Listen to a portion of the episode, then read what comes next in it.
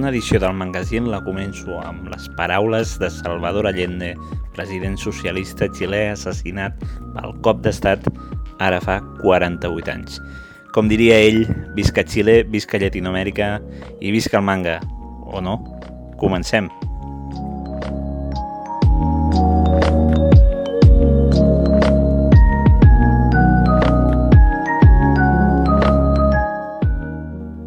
L'actualitat de la setmana ens porta cap a Prades de nou, la bona agenda de l'editorial Oso Comics.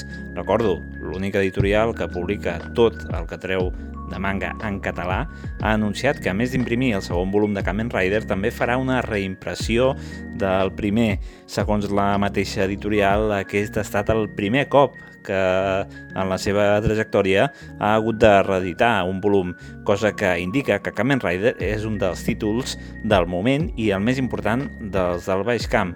Per qui vulgui saber una mica més sobre ells i sobre l'obra de Shotaro Ishinomori, aquest pròxim dimarts 14 de setembre organitzen una taula rodona sobre el 50è aniversari de Kamen Rider a la Setmana del Llibre en català a Barcelona.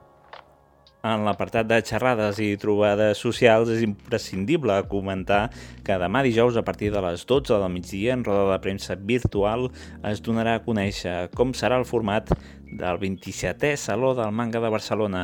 Segons una publicació de l'organització, a xarxes socials presentaran tant el cartell com alguns dels detalls d'una edició que serà presencial, és a dir, que tornarem a tenir Manga Barcelona. En cas que us interessi, en faré un resum en el pròxim programa. Com a novetats literàries, aquest cop apareix el volum únic de Paraíso de Suehiro Maruo, un recull d'històries sobre la infància i la misèria durant la Segona Guerra Mundial, un volum que jo personalment li tinc moltíssimes ganes. També surten continuacions de sèries com Auharu Machine Gun, Dorohedoro, Persona 3, Qué difícil es el amor para un otaku, 3 plus 3 Eyes, Ren and Girlfriend, Trinity 7, Cells at Work i Fate State Night, Heaven's Feel. Malauradament, també hem sabut que hi ha hagut dos endarreriments. D'una banda, el volum únic d'antologia d'històries d'amor Dio Sakisaka i la continuació de Requiem por el rei de la rosa. En Anime Qualize Studio, una distribuïdora d'anime amb seu a Mallorca, ha llicenciat Spice and Wolf i també una sèrie de curs que tenen per títol amb un gat i un gos cada dia és divertit. En tots dos casos, Qualis eh, s'ha compromès a doblar-los en català i sense subvencions, un fet inèdit entre les distribuïdores a l'estat espanyol. Una altra pel·lícula d'anime en català que ens ha arribat en aquest cas de la mà de Vertigo Films és Airwick i La Bruixa, que durant 4 dies va estar disponible a Netflix. Això sí, sense la versió catalana del doblatge. El passat dia 5 la van retirar i es preveu que hi torni a ser aviat, per si li voleu fer un cop d'ull. Anant cap al Japó, aquesta setmana també hem sabut que Under Ninja, la nova sèrie de Kengo Hanazawa, autor de Yamahiro, tindrà adaptació animada, ho ha anunciat a la revista on es publica Weekly Young Magazine, tot i que per ara no se'n saben més detalls. Aquesta sèrie compta amb sis volums publicats al Japó i Norma Editorial és qui té la llicència en castellà per l'estat espanyol.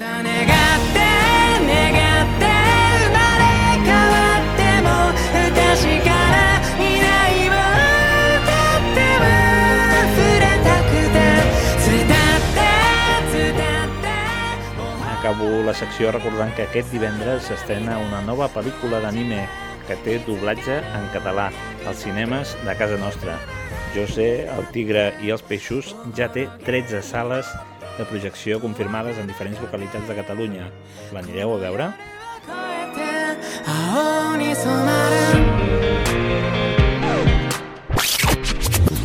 En els diferents capítols d'aquest podcast, inevitablement, hi haurà molta part de mi.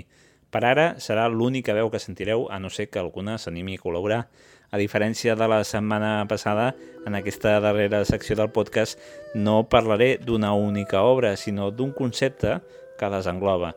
Som ja a ple mes de setembre i és possible que algú us hagi comentat allò tan horrible de «Bé, ara toca fer dieta, eh? Que bé que t'has cuidat a l'estiu». O algun comentari de merda similar, com si algú els hagués demanat l'opinió sobre els nostres cossos.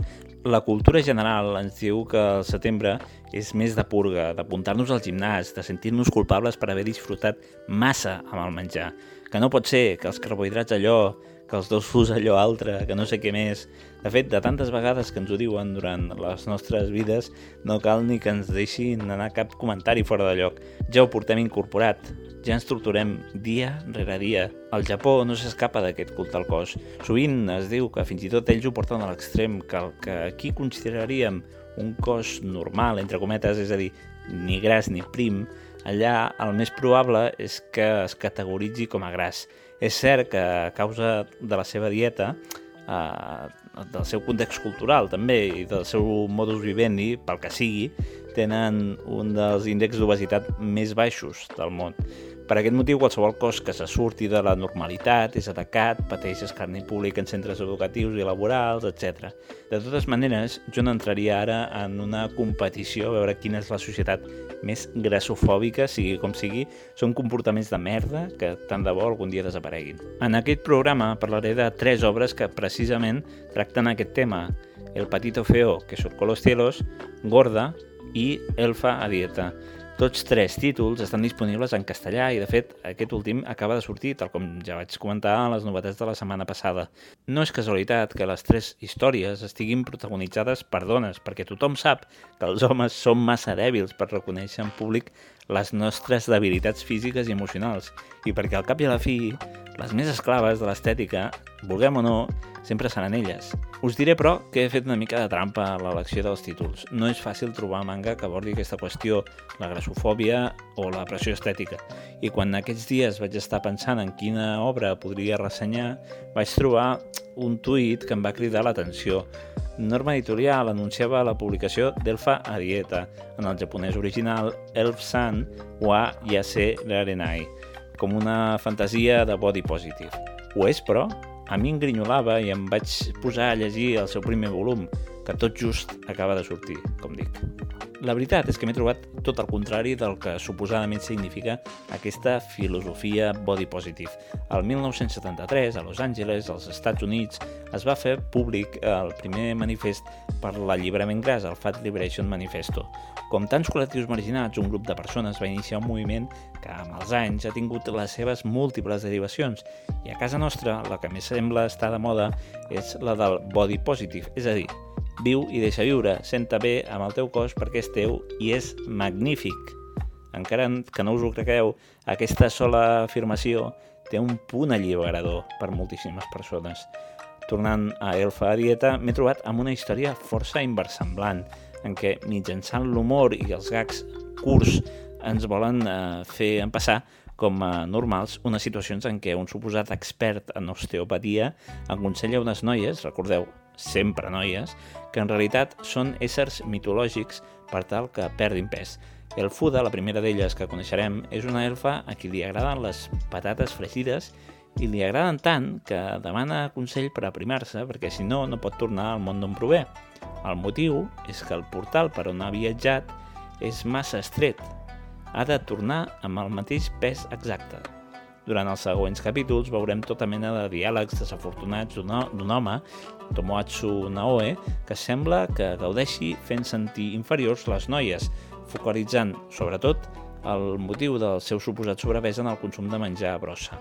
En realitat, cap de les noies té cap sobrepès, però el manga ens ven que sí, que estan molt grasses i que això no pot ser. A Melfa Dieta tenim allò més civilí de la grassofòbia, o sigui, aquests comentaris inapropiats, per eh, dir-ho finament, que esmentava al principi de la secció, aquelles insinuacions constants des de fora que el teu cos no està bé, malgrat que aquestes persones no saben res de tu, si realment estàs malament de salut o quin paper juga en tot això la salut mental. Ara bé, és un retrat bastant naïf de la situació. Representa que és un còmic adreçat a un públic adult, com a mínim, així ho indica la revista la que es va publicar originalment al Japó, però ni mostra les conseqüències de tot plegat, ni tampoc no hi veiem cap brida crítica, encara que fos simbòlica. Personalment penso que és una merda com un cavall, aquest manga, i que només el recomano a adolescents heteros amb ganes de masturbar-se sols a casa seva. perquè és clar, si ho dubtàveu, això està ple de fanservice, ple de sexualització i ple de fetitxització dels cossos femenins. I això algú deu pensar que fa riure.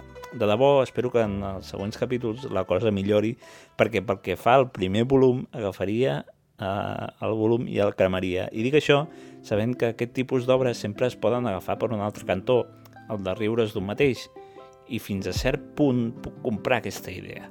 És molt sa fer conya no només dels nostres cossos, sinó de situacions de la vida quotidiana que ens molesten. Això sí, sempre que no es doni la informació errònia que pugui desembocar més tard en el reforçament d'aquesta mena de tòpics. I honestament penso que això és el que passa amb Elfa Dieta, com a mínim pel que fa al primer volum. Com veieu, les meves opinions aquí seran sinceres. Si un manga m'agrada, us el recomanaré així ho vaig fer la setmana passada amb Tokyo Revengers. Si un altre no m'agrada fins al punt que em sembla tòxic, com és el cas del Farieta, doncs no, gràcies. I és evident que en cada manga hi, hi podríem trobar elements molt tòxics, sobretot si fem un cop d'ull en aquelles que fa dècades que es van dibuixar i escriure.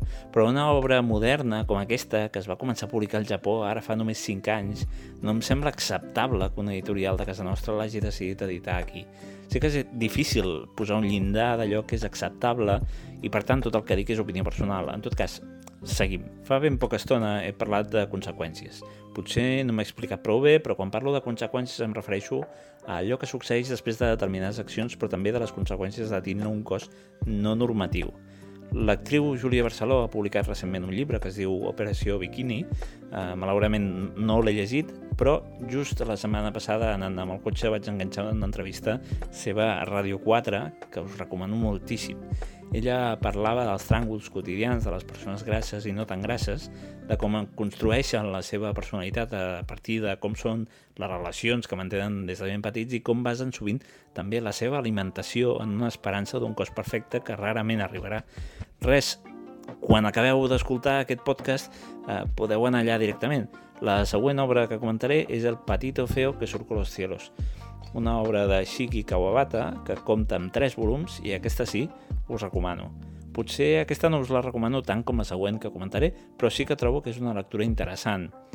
Ayumi és una estudiant que sembla tindre una vida ideal.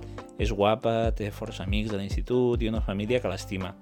Un dia, un dels seus amics li demana per sortir junts. És un amic de la infància pel qui sent molt afecte, però el dia, l'hora i el lloc en què havien quedat rep una trucada d'una companya de classe. Umine, que l'avisa que està a punt de suïcidar-se. De sobte, per un fenomen paranormal que s'anirà descobrint al llarg de l'obra, s'intercanvien els cossos i Ayumi haurà de viure en el cos d'una noia grassa i invisible per la resta d'estudiants, mentre que la fins llavors noia grassa i invisible ara serà la que tota la vida havia desitjat, la noia guapa que rep l'atenció de tots. Sense fer spoilers, cap de les ressenyes que faci en tindrà, o això espero, penso que El Patito Feo, que surt con los cielos, és una d'aquelles obres que, tot i ser simple en la trama, intenta mitjançant els diàlegs anar una mica més enllà. M'ha recordat una mica en aquest sentit a Ono Flag, que ja en parlarem quan tracti el manga LGBT. No té unes pretensions de manga de culte ni de sèrie educativa ni tan sols, però resulta que llegir les seves vinyetes t'adones que intenta escarbar en l'arrel de la personalitat domine la noia que sempre havia aspirat a no ser discriminada pel seu aspecte físic. M'agrada perquè no intenta justificar, o a mi no m'ho sembla, el fet que estigui grassa amb el consum de, menj de menjar brossa o altres qüestions banals. Ho deixa tot en la constitució de cadascú, un factor que rarament es té en compte quan es parla d'aquest tema. I tracta com de sola s'ha sentit tots aquests anys mentre veia els més populars de la classe relacionar-se entre ells, deixant-la de banda, insultant-la per pur divertiment, d'una manera que al final, tot i que sembla que sigui la dolenta de la pel·lícula, pots acabar empatitzant amb ella. M'agrada també perquè aborda una qüestió que per mi és capdalt i que vaig descobrir fa relativament poc i que és la següent. Quan una persona prima i guapa va creixent, la seva personalitat es forja en base als comentaris positius que rep per aquest fet. Consti que en tot aquest podcast estic generalitzant. Sé perfectament que sempre hi ha casos particulars que són més complexos. Però, generalment, tornem-hi, quan una persona de constitució més ampla i no tan guapa segons els estàndards de la societat en la que vivim va fent-se més gran, la seva personalitat es forja amb els atacs que rep. I a El Patito Feo, que surcó los cielos, hi veiem dues protagonistes que s'intercanvien els cossos, però no les personalitats. I resulta que, tot i tindre un cos suposadament lleig i caricaturesc, Ayumi aconsegueix fer amics ràpidament, perquè no deixa de ser una persona amb seguretat en si mateixa i que gràcies a això sap desenvolupar-se en societat. En canvi, Umine, que s'ha quedat amb el cos més atractiu, no deixa de tenir aquella actitud sempre desconfiada que li fa prendre males decisions, perquè cadascuna ha crescut d'una manera diferent i això molt difícilment s'oblida. Una persona que durant la major part de la seva vida ha viscut sent grassa, ho seguirà sent malgrat que de sobte aconsegueixi primar-se. Perquè ser gras, quan t'has passat tota la vida amb aquesta mena de comentaris i atacs i inseguretats i tot, de vegades pot passar de ser un estat físic a un estat mental. I un cop dit això, tant si voleu llegir-la com si no, que sapigueu que també teniu disponible una minissèrie de 6 capítols a Netflix amb actors reals que és bastant fidel al manga original. Gorda és l'obra amb la que acabaré la secció, Gorda no perquè tingui moltíssimes pàgines, sinó perquè el títol triat per l'editorial Ponent Món allà pels vols del 2017, quan es va publicar a l'estat espanyol, és aquest. En la meva opinió, Gorda té una de les millors edicions del mercat, una imatge impactant a la portada d'una noia esquelètica que s'intenta menjar un entrepà enorme, eh, les lletres de Gorda ocupant tot l'espai i tota la història reunida en un sol volum de 264 pàgines amb tapa dura i gran format.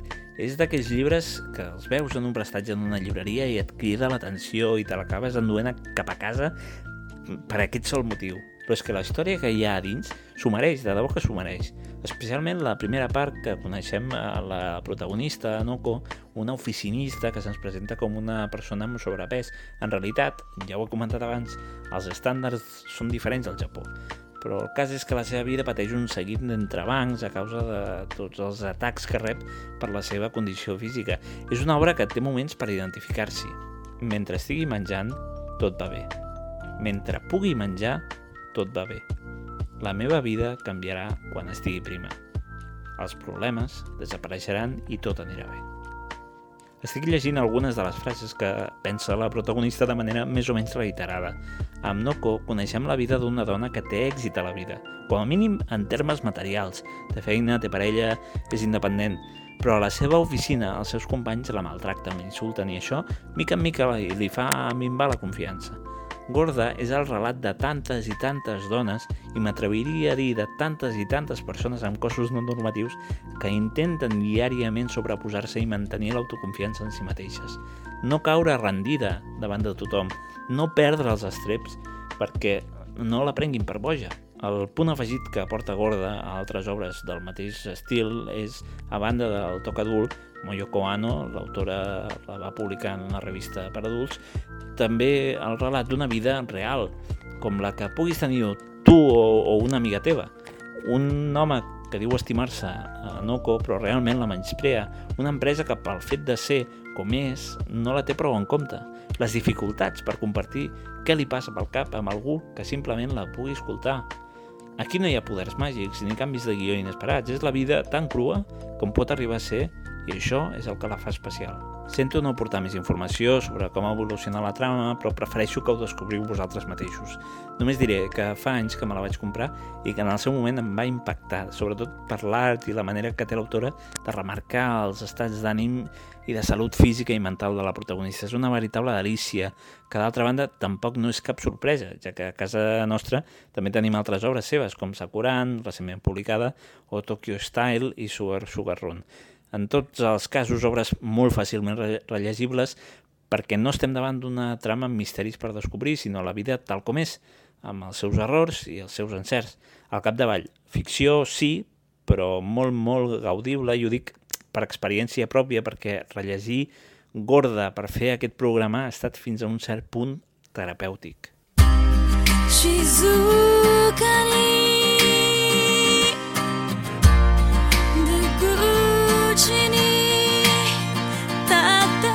Sí, sí, fins aquí el programa d'avui. Ja vaig dir que no volia que fos gaire llarg, màxim mitja hora, i la secció de la recomanació s'ha allargat aquest cop una mica massa. El nou capítol del Rewind el reprendré, si tot va bé, la setmana vinent. Espero també haver millorat algunes cosetes en aquest podcast. Alhora, abans de marxar, tinc un anunci per fer-vos. Em mudo de xarxes socials. Segurament ja ho haureu vist, però he detectat que amb els perfils que tinc actualment no és òptim que estigui compartint no només els enllaços d'aquest podcast, sinó notícies o interactuar amb gent que li agradi el manga d'anime i fer una mica de spam, per què no? Eh, per això, des de ja em podeu seguir a Twitter, a arroba el magazín, i a Instagram també podreu eh, trobar si busqueu el magazín tot junt. Res més, eh, de debò que desitjo que algú li pugui resultar interessant alguna de les coses que he comentat avui i ens veiem aviat. A reveure.